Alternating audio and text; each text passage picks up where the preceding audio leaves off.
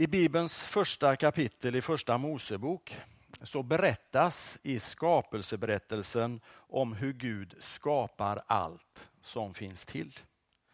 Det är en poetisk text som snarare vill berätta vem som ligger bakom skapelsen än att liksom säga exakt hur det går till. Bibeltexten vill också berätta att du, att du finns är ingen tillfällighet, det är ingen slump. Den menar att det finns en tanke med ditt liv. Den vill hjälpa dig att våga tro att du är älskad så som du är. Du behöver inte försöka vara någon annan. Du behöver inte vara en bättre version av dig själv. Men den vill också sätta in dig i ett större sammanhang. Du är en del av något större än det som finns allra närmast dig. Och det finns också ett uppdrag åt dig. I kapitel 2 i första Mosebok så får människan uppdraget att bruka och att vårda skapelsen. Uppgiften att ta hand om detta enorma, fantastiska ekosystem läggs i deras händer. Och de har ingen utbildning. De ska vara rädda om människor, om djur och om natur. De ska ta hand om och värna allt som finns runt omkring dem. Det finns vissa givna gränser som människan ska hålla sig inom. Annars är det helt upp till dem själva att göra det bästa. Och Det är ju så man gör när man vårdar. Man gör sitt allra bästa, sitt absolut yttersta. Och sedan den här tiden så har ju århundrade lagts till århundrade och blivit till årtusenden. Och idag i vår tid så ställs vi som mänsklighet inför enorma utmaningar. Att försöka rätta till det som har blivit fel under resans gång när det gäller vår miljö och inte minst i vårt sätt att tänka. Vi vet nog alla innerst inne att vi inte lever särskilt rättvist om man ser till förutsättningarna globalt sett.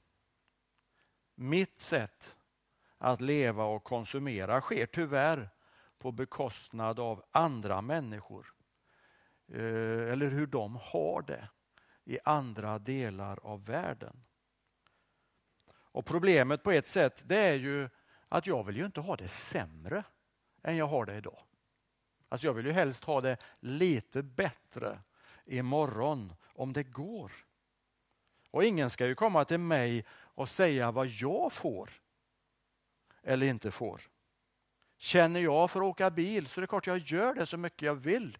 Även om det är korta sträckor. Det behöver ju inte du bry dig om. Och här i Sverige så är det så mörkt grått och kallt på vintern. Så jag behöver mina resor ner till solen och värmen. Ta inte ifrån mig det.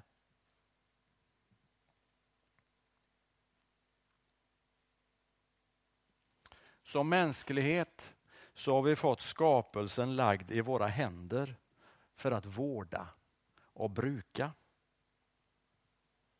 Och oroande nog är det ganska många av världens experter inom det här området som menar att vi börjar få ont om tid nu.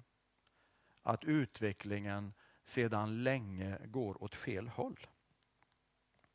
Men hur gör jag med den informationen?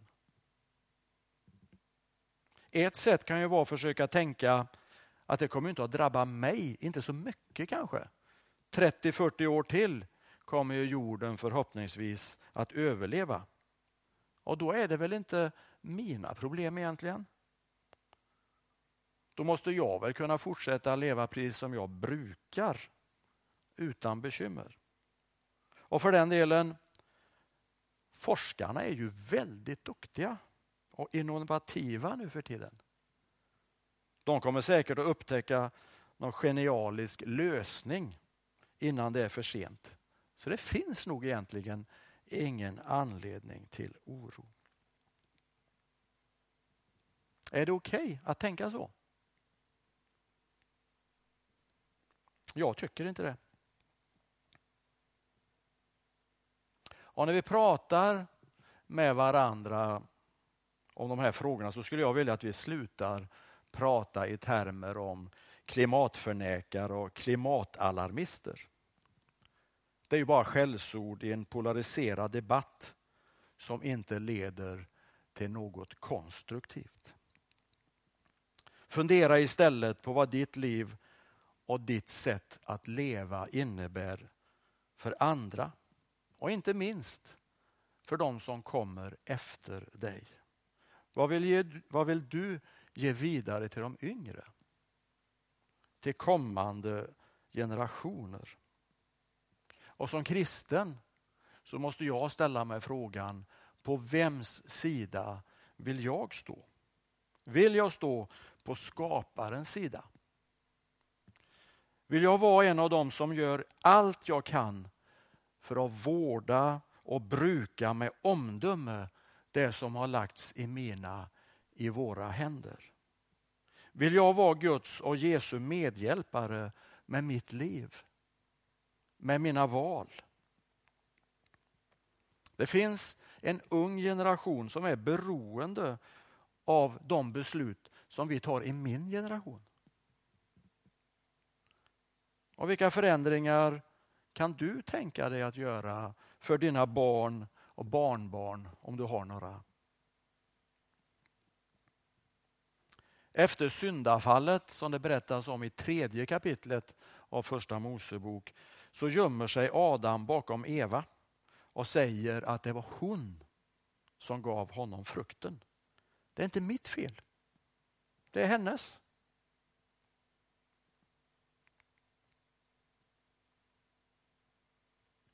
När det gäller ditt liv och de val du gör inför framtiden så hjälper det inte om du skyller på andra. Att andra gör likadant gör ju inte saken bättre. Det gör ju inte framtiden ljusare för kommande generationer. Vi hör berättas om världens ledare, på säga, länders ledare kan man säga. Vissa länders ledare som påstår att det inte finns någon coronapandemi. Det är deras sätt att försöka förhålla sig till en svår situation. Men det löser givetvis inte varken deras problem eller några andra länders problem. Det hjälper inte att blunda och tänka på annat. Ska något kunna göras åt pandemin så vet vi, då måste det handlingar till. Människor som kan acceptera att leva inom vissa ramar och gränser för att vara rädd om andra. Länders befolkningar måste acceptera att man inte kan leva precis som förut under den här tiden.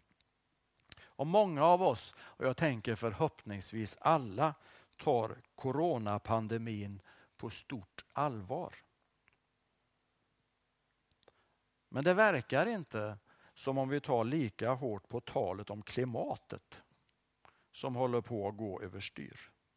Vi kan göra så lite, säger en del.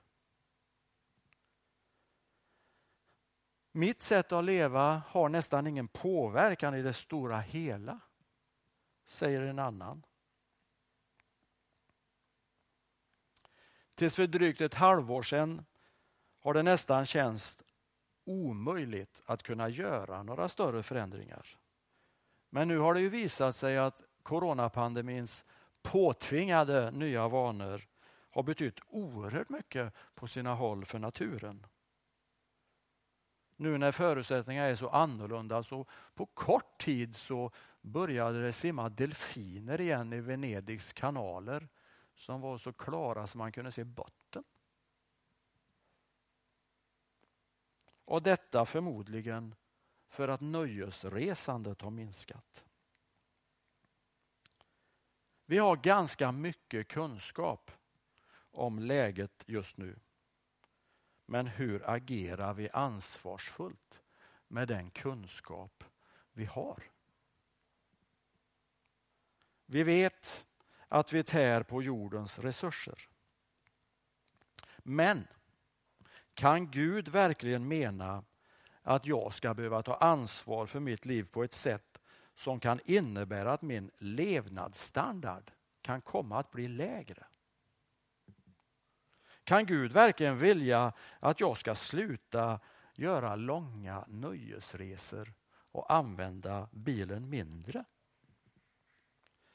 Kan Gud på fullt, ansvar, på fullt allvar ha en önskan att jag, lilla jag, tänker på jorden som helhet och på mänskligheten i stort när jag bestämmer vad jag ska sätta fram på matbordet?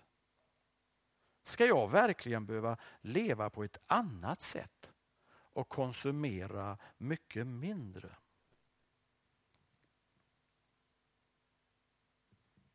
Ja, jag är övertygad om det.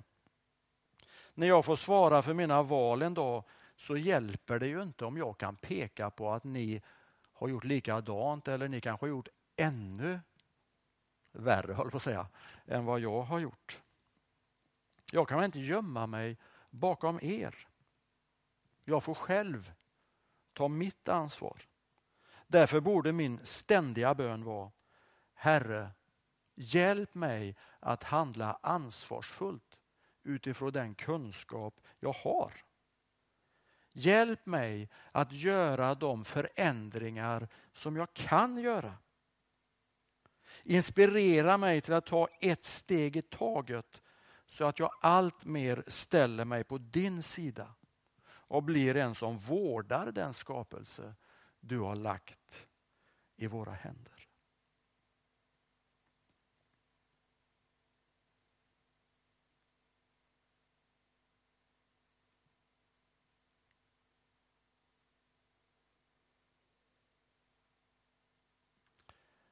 Jag funderar på om jag ska ta, berätta det jag tänkte berätta, men jag gör nog det. Eh, för det jag tänkte säga var att jag bara ville berätta att förra veckan så tog vår församlingsstyrelse beslut om att vi ska ansluta oss till ett nätverk som heter Grön kyrka i ett försök att ta de här frågorna på ett större allvar. Och Sen ett år tillbaka så har vi en hållbarhetsgrupp här i församlingen. Och vill du vara med och arbeta i den så kan du kontakta mig så ska jag hjälpa dig vidare. Vill du läsa så har jag bara två böcker som jag tipsar om. Den ena heter Därför sörjer jorden. Det är Peter Halldorf som utifrån Jeremia bok skriver. Första tredjedelen handlar väl om klimatet. De sista två tredjedelarna om hoppet för framtiden. Stefan Edman har skrivit en bok som heter Bråttom men inte kört. Eh, där det finns 150 frågor där man kan slå och fundera. Om du är intresserad av siffror. De är ju färskvara siffror. Så att, men en tid räcker de väl. Låt oss be. Herre, jag ber att du ska hjälpa oss som människor att se på oss själva. Att du ska lysa på våra liv så vi ser vad som är hållbart i vårt sätt att tänka, i vårt sätt att leva. Eh, Hjälp mig. Hjälp oss alla som lyssnar eh, att fundera på hur vill du att vi som mänsklighet ska hantera den, den värld, den skapelse som vi befinner oss i. Hjälp oss vara kärleksfulla, omtänksamma i de beslut vi tar. Inte bara till det allra närmaste vi har runt oss, utan se våra liv i ett större perspektiv. Tack att du har gett oss ett uppdrag.